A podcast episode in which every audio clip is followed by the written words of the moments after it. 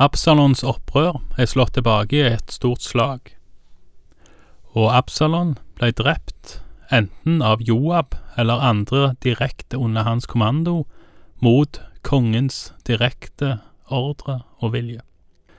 Kongen, David, får beskjeden om at opprøret er slått tilbake, men reagerer med sorg og gråt over sønnens død heller enn glede over at opprøret er over, og at han har fått kongeriket tilbake igjen. Kanskje en ganske forståelig reaksjon fra farens si side, men kanskje mindre forståelig som konge. Vi leser fra andre Samuels bok, kapittel 19, vers 1. Og det ble meldt til Joab. Se, kongen gråter og sørger over Absalom. Og seieren ble denne dagen til sorg for hele folket, fordi folket denne dagen fikk høre at kongen sørget over sønnen sin. Den dagen snek folket seg inn i byen, som folk stjeler seg hjem når de er skamfulle fordi de har flyktet i krigen. Men kongen hadde dekket ansiktet og ropte med høy røst, Min sønn Absalom, Absalom, min sønn, min sønn. Da gikk Joab inn i huset til kongen og sa, I dag vanærer du alle mennene dine, som i dag har berget både livet ditt og dine sønners og døtres og dine koners og medhustruers liv du elsker jo dem som hater deg, og hater dem som elsker deg. For i dag har du vist at verken høvdinger eller tjenere er til for deg. Og jeg skjønner nå at om Absalom var i live og alle vi andre var døde i dag, da ville du tenkt at det var som det skulle være. Stå nå opp og gå ut og tal vennlig til mennene dine, for jeg sverger ved Herren at går du ikke ut, så blir det ikke en mann hos deg over natten og dette blir verre for deg enn alt det onde som har kommet over deg fra din ungdom av til nå. Joab er ikke feig. Han snakker rett til kongen om hva han syns, og han sverger faktisk ved Herren mot slutten. Men jeg syns nok at Joab har et veldig godt poeng. David var ikke bare far til Absalon, han var far og mann til en del andre òg. Men han var òg konge over et folk som hadde slåss for han og vunnet, og som nå sneik seg hjem som tyver fordi de så at kongen gråt mer over sorgen enn han gleda seg over seieren. Og David, han var Herrens salvede, og som han sjøl ba når han gikk over Kedron, så fikk han Herrens velsignelse igjen til å reise hjem igjen til Jerusalem. Og da er han fortsatt Herrens salvede, og kongen som folket skulle hylle. Joabs tøffe stil overfor kongen har en umiddelbar positiv effekt. Vi leser videre fra vers åtte. Da sto kongen opp og satte seg i porten, og det ble meldt til hele folket, se, kongen sitter i porten. Da kom hele folket og gikk fram for kongen, men Israel hadde flyktet, hver mann til sitt hjem.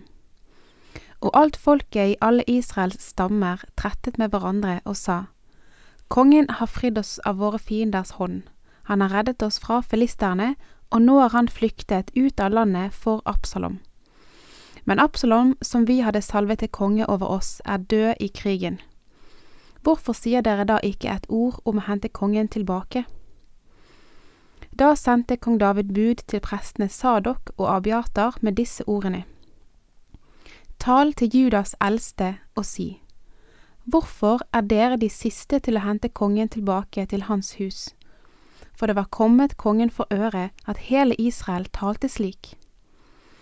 Dere er brødrene mine, dere er mitt eget kjøtt og blod. Hvorfor er dere da de siste til å hente kongen tilbake? Og til Amasa skal dere si, er ikke du mitt eget kjøtt og blod? Gud, la det gå meg ille både nå og siden om du ikke alltid skal være min hærfører i stedet for Joab. Slik bøyde han alle Judas menns sinn og vant dem for seg alle som en. Og de sendte bud til kongen, Kom tilbake, du og alle dine menn. Så ga kongen seg på hjemveien og kom til Jordan. Da var Juda alt kommet til Gilgal for å møte kongen og føre ham over Jordan. Benjaminitten Shimei, Gerers sønn fra Buraim, skyndte seg og dro ned med Judas menn for å møte kongen. Tusen mann av Benjamin var med ham, og Siba, som hadde vært tjener i Sauls hus, med sine 15 sønner og 20 tjenere. De skyndte seg til Jordan før kongen. David og hans medhjelpere klarer å snu det som Joab sa ville komme, sånn at folk igjen samler seg så noenlunde inn under David. Både de som hadde fulgt Absalon, og de som hadde fulgt David hele tida. Joab hadde nok rett i at dersom David ikke hadde tatt grep, så hadde kongeriket gluppet ut av hans hender. Men nå ser det ut som han igjen har alle stammene på vei med seg, iallfall i den retningen, og nå møter han flere av de enkeltpersoner og familier som vendte han ryggen. Vi leser videre ifra vers 18. Og de satte over elven for å føre kongens hus over og være til hans rådighet i alle ting. Men Shimei, Gerars sønn, falt ned for kongen da han skulle fare over Jordan, og han sa til kongen, Herre, tilregn meg ikke det gale jeg har gjort, og husk ikke på det onde som din tjener gjorde den dagen da min herre kongen dro ut fra Jerusalem.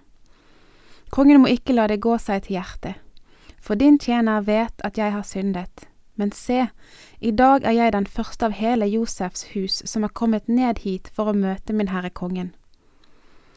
Men Abishai, Serujas sønn, tok til orde og sa, Skal ikke Shimei late livet, han som har forbannet Herrens salvede? Da sa David, Hva har jeg med dere å gjøre, dere Serujas sønner, at dere i dag skulle bli mine motstandere? Skulle noen mann i Israel late livet i dag? Jeg vet jo at jeg i dag er blitt konge over Israel. Så sa kongen til Shimei, Du skal ikke dø. Og kongen lovte ham det med ed. Shimei var en slektning av Saul, som gikk ved sida av David og banna og kasta stein da David gikk ut fra Jerusalem i starten av opprøret til Absalon. Nå har han kommet tilbake igjen for å be om nåde. Igjen vil Abjishai, sønn av Sheruba, ha han drept, og igjen får han avslag. Denne gangen kommer avslaget fordi David ønsker å la nåde gå for rett, kan en vel si. Så kom en nærmere slektning av Saul, nemlig Mefibosjet, Jonathans sønn og Sauls barnebarn. Vi leser videre fra vers 24. Mefiboset, Sauls sønn, dro også ned for å møte kongen. Han hadde ikke vasket føttene og ikke stelt skjegget og ikke vasket klærne sine helt fra den dagen kongen dro bort og til den dagen han kom tilbake med fred. Da han kom til Jerusalem for å møte kongen, sa kongen til ham, Hvorfor fulgte du ikke med meg, Mefiboset? Han svarte, Herre konge, tjeneren min narret meg, for jeg sa, Jeg vil ha mitt esel salt, så jeg kan ri på det og følge med kongen, for din tjener er lam. Men han baktalte meg for min herre kongen. Men min herre kongen er som en Guds engel, gjør derfor som du synes. Hele min fars hus hadde ikke annet å vente av min herre kongen enn død. Likevel ga du din tjener plass blant dem som spiser ved ditt bord. Hva rett har jeg da mer å kreve, og hva mer har jeg å rope til kongen om? Kongen sa til ham, Hvorfor blir du ved med å tale om dette? Jeg sier, Du og Siba skal dele jordeiendommen. Da sa Mefiboset til kongen, Han kan gjerne få alt sammen, siden min herre kongen er kommet hjem igjen med fred. Det er interessant å lese at David her deler eiendommen mellom Siba og Mefibosjet, slik som jeg òg nevnte i gjennomgangen av kapittel 16. Skyldes det at David ikke vet hvem av disse lyver? For en av de lyger, om ikke begge. En av de lyger for kong David. Enten så lyger Siba når han forteller at Mefibosjet falt David i ryggen, eller så lyger Mefibosjet da han anklager Siba for løgn. David ser ut til å tro litt på, på begge, og han deler eiendommen imellom de. Krigen mot Absalon har ikke bare ført til elendighet, Men den har òg gitt David noen nye bekjentskaper. I alle fall så langt vi vet ifra Samuelsbøkene.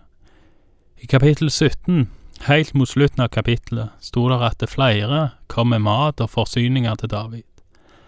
Iblant de var gileaditten Bersilei, en rik, men veldig gammel mann. Og han er med i følget som følger David på vei hjem tilbake igjen til Jerusalem. David kommer til å invitere Bersilei til å følge seg helt tilbake igjen til Jerusalem, men han takker nei ved Jordan fordi han er gammel.